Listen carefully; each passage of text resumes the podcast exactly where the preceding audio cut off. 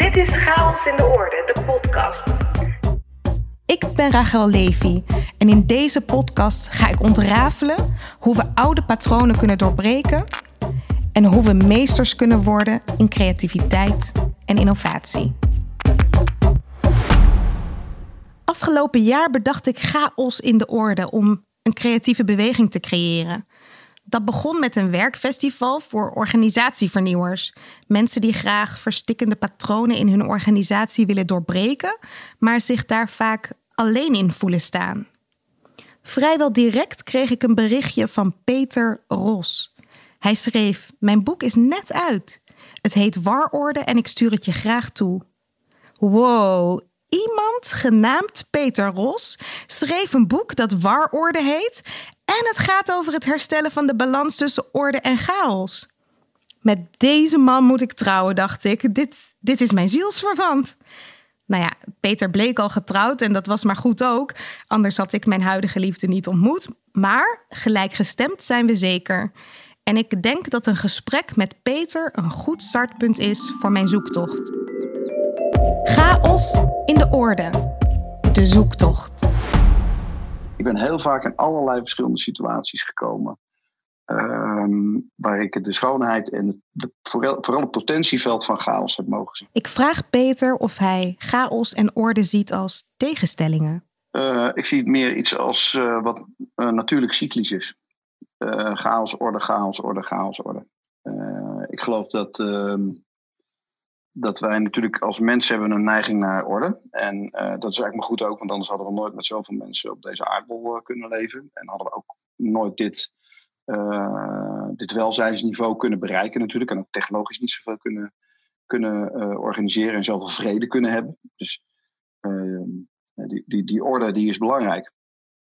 Maar ik geloof wel dat het gewoon een, een natuurlijke cyclus is. eh, waarin je dat ziet gebeuren. Hè? Net als dat je in, in het leven de, eh, zeg maar dood hebt. En, eh, eh, en dat je de, de, herfst hebt en de winter en dan weer de lente en de zomer. Eh, het bloeien en weer het afsterven. En daarmee weer een nieuwe grond hebben voor, voor nieuwe bloei. Ik geloof dat dat gewoon een, een, eh, een van de universele wetten is. Toch lijkt het erop dat mensen in organisaties chaos vaak niet accepteren. Waarom is dat zo? Nou, eh, we, hebben, we doen er alles aan. Kijk, laten we, laten we teruggaan. Hè? We, hebben- we zitten nu natuurlijk weer in een tijd van, van, van crisis. En voor sommige mensen chaos. Ehm, en, en dus ook weer een creërende fase. Eh, een fase waarin van alles gebeurt. De vorige hele grote crisis, hè, dan heb ik niet over het systeem eh, of de financiële crisis, was natuurlijk de Tweede Wereldoorlog.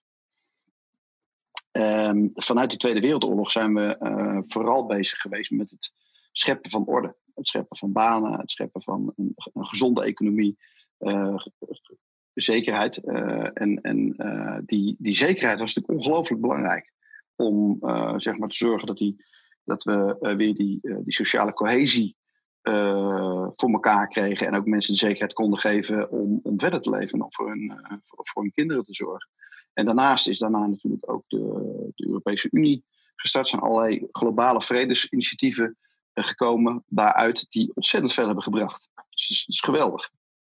Tegelijkertijd denk ik dat we een tijd hebben eh, gezien dat we ehm, zeg maar met het opbouwen van onze eigen industrie en onze eigen economie ehm, eigenlijk een systeem hebben neergezet waarbij we hebben gezegd: oké, als we nou zorgen dat zoveel mogelijk mensen, eh, dat we zoveel mogelijk mensen opleiden om eh, zo lang mogelijk eh, iets te doen en dat steeds iets efficiënter.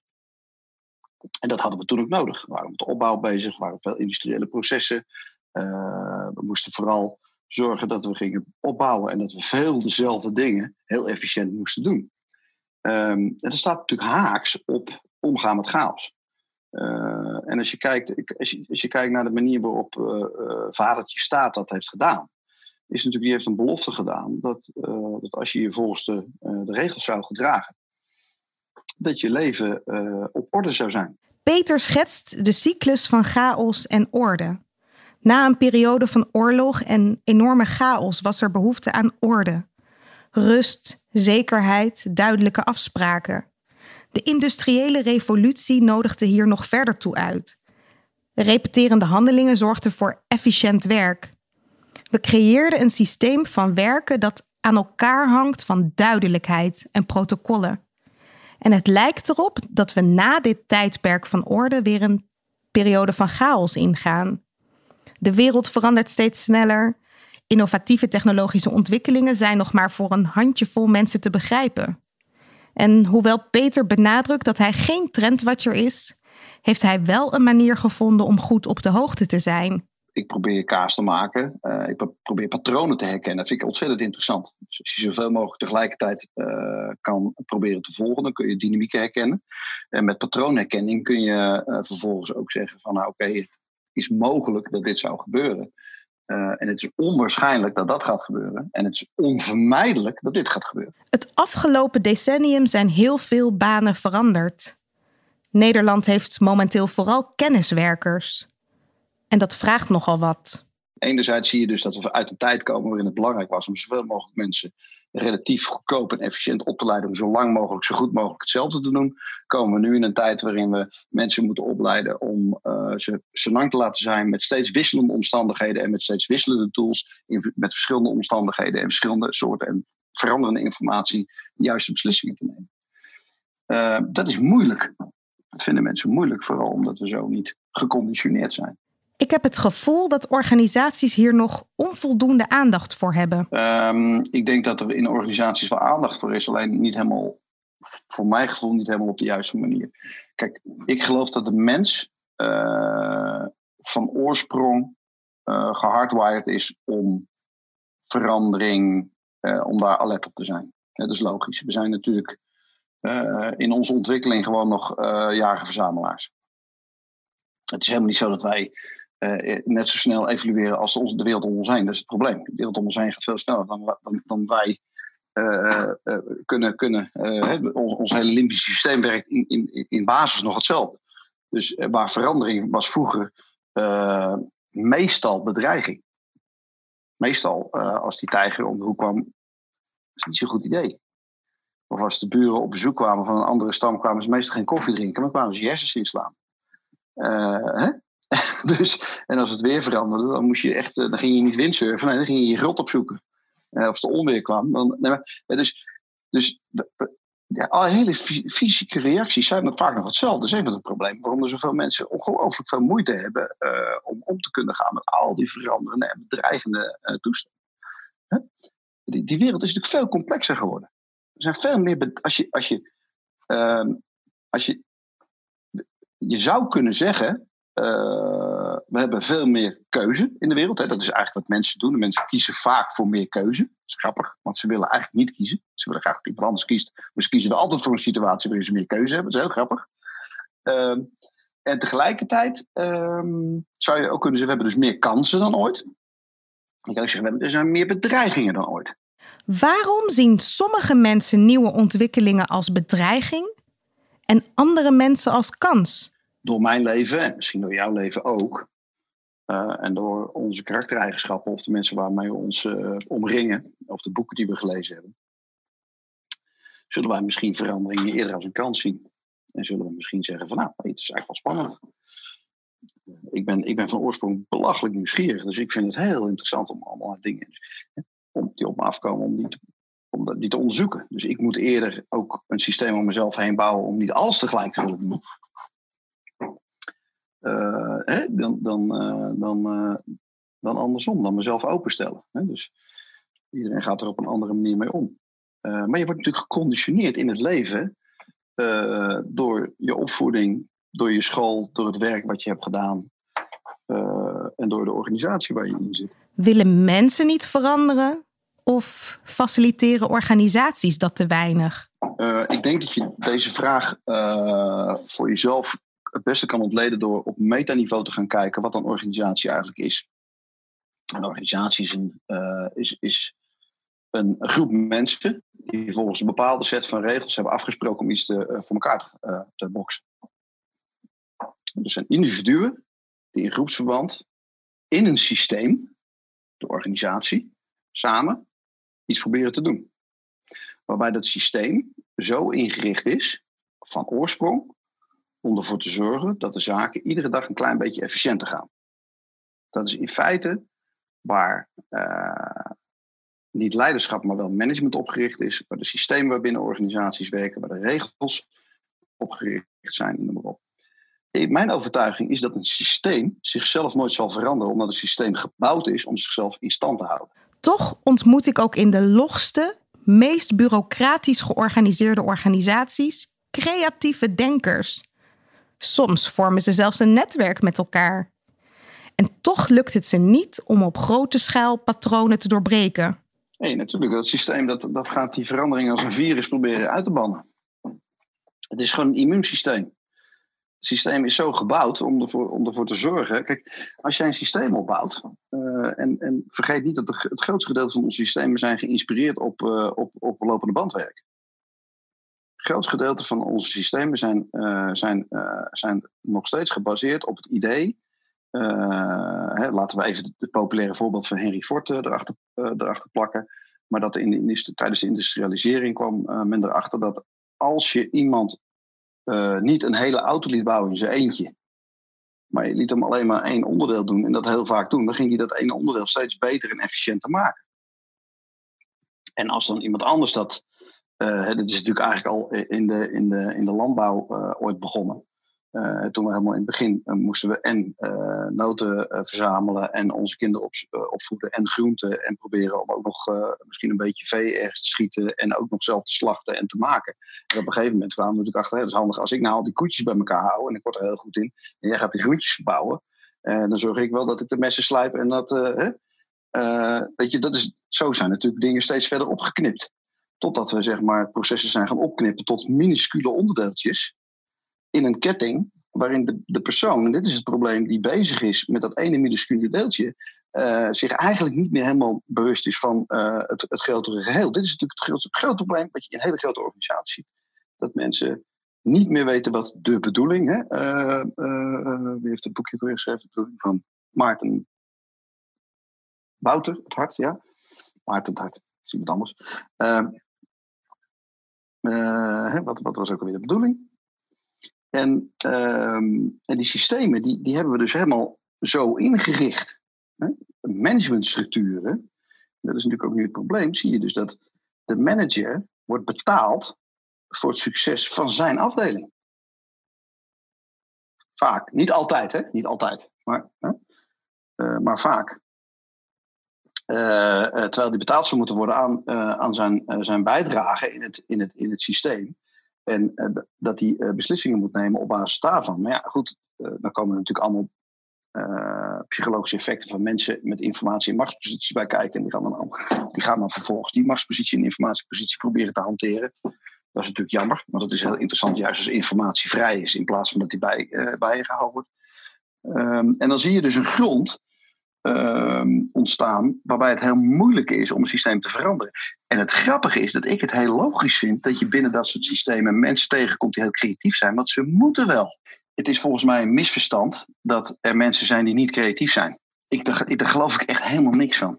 En het wordt misschien niet geprikkeld, het is misschien niet urgent, maar op het moment dat iemand ondernemend gedrag heeft of een urgentie ziet om iets te veranderen, en hij zit binnen een systeem waar hij uh, wellicht al heel lang zit en waar hij heel veel uh, fijne collega's om zich heen heeft. Waar hij heel veel veiligheid heeft uh, van inkomen. maar tegelijkertijd toch nog steeds de passie heeft om datgene wat hij wil doen beter te doen. Dan zijn er mensen die, die gaan nadenken: oké, hoe, hoe ga ik hier creatief mee om? Die mensen met een ondernemende geest noem ik zelf altijd intrapreneurs. Wij begeleiden mensen met zo'n ondernemende geest om meer voor elkaar te krijgen in hun omgeving. Vaak lukt dat, maar soms hoor ik ook frustrerende ervaringen, waarbij het echt niet lukt om nieuwe ideeën in te brengen. Ik vraag Peter hoe hij hierover denkt. Ja, hier ben ik vrij radicaal in. Als iemand het gevoel heeft dat hij in een omgeving zit uh, die systemisch uh, niet de kans biedt om, om uh, de verandering die jij nodig hebt te faciliteren, moet je wegwezen. Dan word je namelijk niet gelukkig. Ik geloof overigens dat dit de grootste, het grootste probleem gaat worden van grote organisaties die hier niet op schakelen. Die gaan straks gewoon niet meer het juiste talent krijgen. Dus dit probleem gaat zich op termijn gaan oplossen. Als we willen meebewegen met de nieuwe tijd, kunnen we eigenlijk niet langer vasthouden aan onze orde. Ik vraag Peter wat het zou betekenen als iedereen een beetje meer creativiteit in zichzelf zou ontwikkelen. Wat zou er gebeuren als we chaos massaal met elkaar gaan omarmen? Wat zou, het, wat zou het betekenen als mensen beter om zouden kunnen gaan met chaos? En uh, dat vertaal ik even als uh, dat mensen wat weerbaarder en veerkrachtiger worden in een tijd van uh, verandering. En dat is volgens mij de essentie waar het over gaat. het grappige is natuurlijk dat wij elkaar gevonden op het chaosstuk, omdat ik het boek had geschreven dat over, voor een deel over chaos gaat. Het boek gaat eigenlijk over weerbaarheid. Het boek gaat eigenlijk over persoonlijk leiderschap, over regie over je eigen leven. En dat is eigenlijk waar het over gaat. Um, en uh, ik, ik, hoop dat uh, de, ook de periode waarin we nu zitten, dat je ziet eigenlijk een, een, een, al een soort van eruptie van creativiteit. Hè? Uh, nou is dat natuurlijk ook weer een. Uh, weet je niet hoe dat is, want de mensen die zich niet creatief gedragen, maar zich terugtrekken, die zie je niet. En de creativiteit zie je wel. En er zijn er eenmaal mensen die heel veel tijd hebben om allerlei dingen online te gaan doen in één keer. Dus, dus het is, uh, maar het is in ieder geval zichtbaar. Ehm, maar ik hoop dat deze tijd ervoor gaat zorgen dat mensen dat de weerbaarheid en de veerkracht omhoog gaat. En, en dat betekent voor mij omgaan met onzekerheid. En dat betekent voor mij omgaan met onzekerheid is eigenlijk zelfs omarmen van onzekerheid om in een veld van potentie terecht te komen. Dat is waar het over gaat. Het potentieveld waarin je nieuw kan creëren. Ik vraag Peter hoe de wereld er morgen uit zou zien als hij het mocht bedenken. Dan werken we vanuit wens in plaats van winst. En ik hoop uh, dat we werken vanuit de wens uh, dat we een, uh, een, collectief betere en mooiere wereld maken. Dat we morgen wakker worden en bedenken van het is eigenlijk een heel slecht idee om geld te verdienen met, het, met, met waarde te onttrekken aan deze planeet. Dat is wat er nu gebeurt op heel veel plekken. Er zijn heel veel mensen die heel veel geld kunnen verdienen met het onttrekken van waarde aan uh, ons planeet. Door het gebruik van, van mineraal, het gebruik van, van, van olie. Ik bedoel, en we vragen er allemaal zelf om. Hè? Dus, dus even, ik bedoel, ik heb ook een, een smartphone en er zitten ook allemaal kostbare grondstoffen in. Peter zet me aan het denken. Zou het zo kunnen zijn dat het streven naar winst onze creativiteit maar beperkt prikkelt? Terwijl de wens om waarde te creëren voor het collectief oneindig creatieve mogelijkheden biedt. Ja, nou ja, weet je, ja, nou ja zeker. En, en, en uh, als, als we creatief vertalen als de creërende mens. Hè, want mensen hoeven voor mij niet creatief te worden om het creatieve. Uh, maar op het moment dat je iets creëert, waardoor jij uh, het leven van jezelf uh, en de mensen om je heen makkelijker, waardevoller, veiliger, prettiger, gezonder kan maken. Ja, fijn. Ik vraag Peter om één concrete tip. Wat kun jij zelf doen om de creativiteit in jezelf terug te vinden? Dat mensen niet per se creatief worden van heel veel geld hebben. Dus het is heel leuk om te zien wat mensen kunnen doen met weinig middelen. Dat vind ik altijd waanzinnig interessant. Dat is een van de redenen waarom we Permanent Bed ooit hebben opgericht.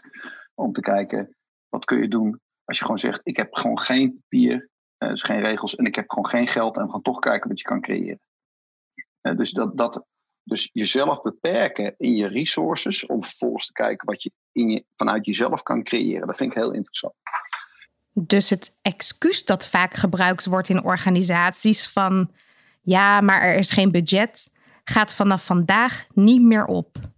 Als er geen budget is, kijk dan juist met elkaar wat wel mogelijk is.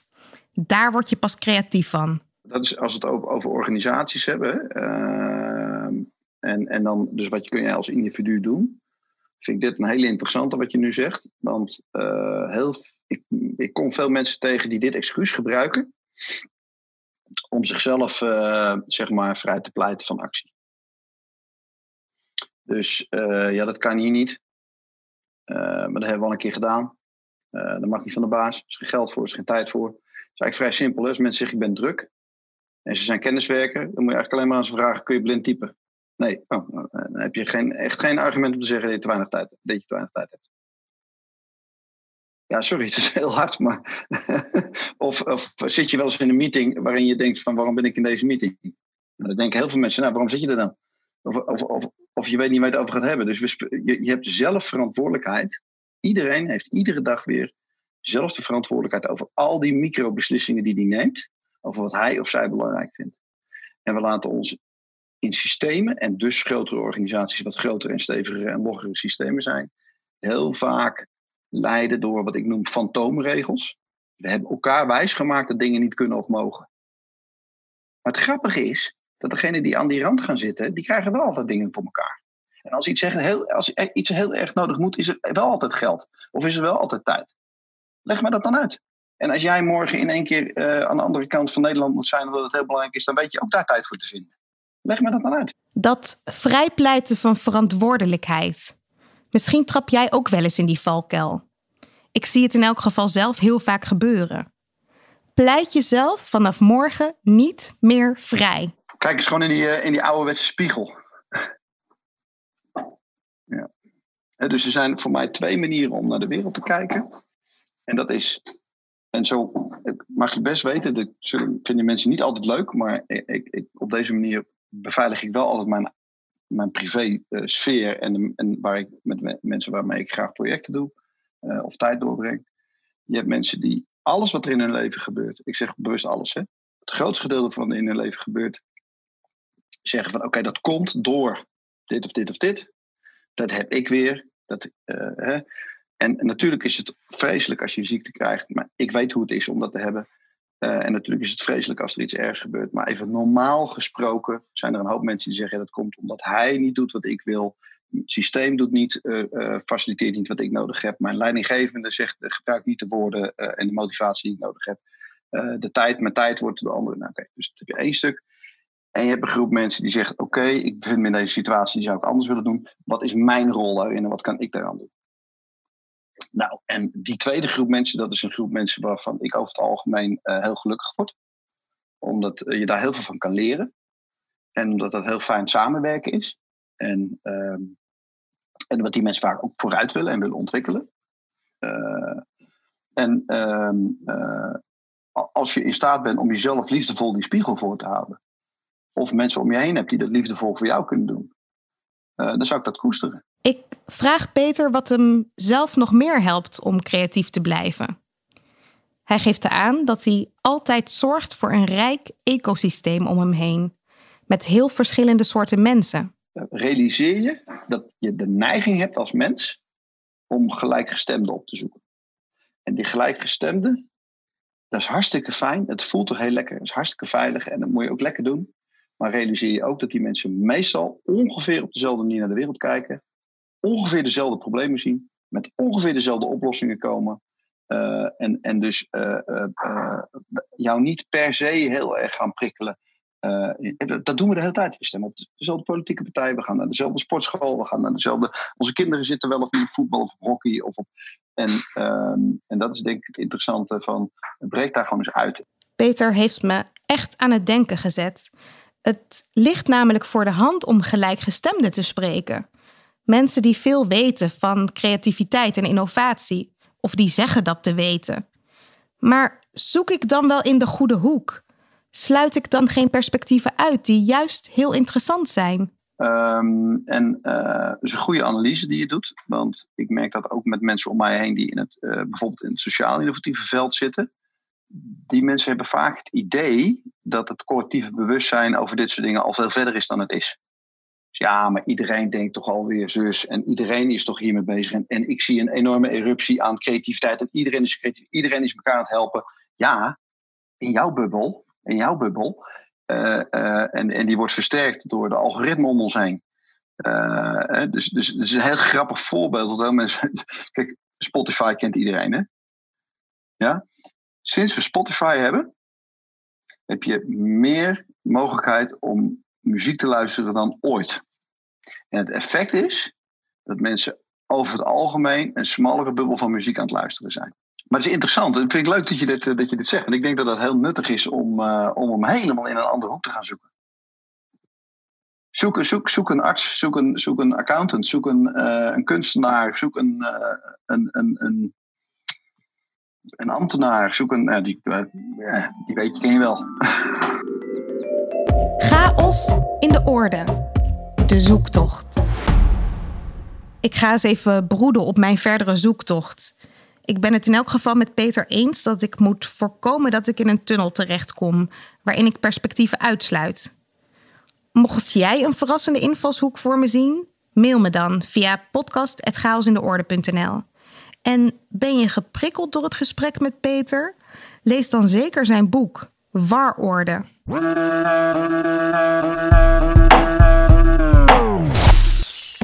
Het struikelblok. Ik wil dolgraag een patroon doorbreken. Help je me mee? Het zou super fijn zijn als er meegedacht kan worden over een oplossing. Alle creatieve gedachten en kleurrijke ideeën zijn van harte welkom. De uitdaging voor mij is om mogelijkheden te zoeken om buiten de gebaande paden te treden zoals die nu zijn. Om meer buiten de lijntjes te kleuren. Het is nu vaak zo dat je opgaat in de waan van de dag. Dat je s'morgens al je creativiteit bij de deur laat staan en je jezelf je verliest in al die standaard patronen en verwachtingen. Heb jij dat gevoel ook? Laten we het samen doorbreken. Je hoorde Sebastiaan foppen. Hoe zit dat met die waan van de dag en hoe kun je daaruit blijven? Mijn belangrijkste tip is: start niet in die waan. Geef jezelf twee focusuurtjes per dag om te starten aan je werk zonder dat je je mailprogramma nog hebt geopend. Zorg ervoor dat je telefoon op stil staat. Luister niet naar je voicemail. En gun jezelf echt even creatieve denktijd om met jouw project aan de slag te gaan. Wil jij ook een frisse blik op jouw struikelblok? Spreek je uitdaging in en stuur je bericht op naar podcast.chaosindeorde.nl. Wie weet behandel ik dan binnenkort jouw uitdaging of dilemma in deze show.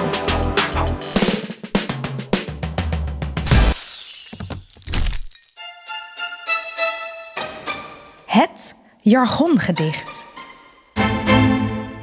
Beleidsnota ambtelijke integriteit. Het werd tijd voor een regeling.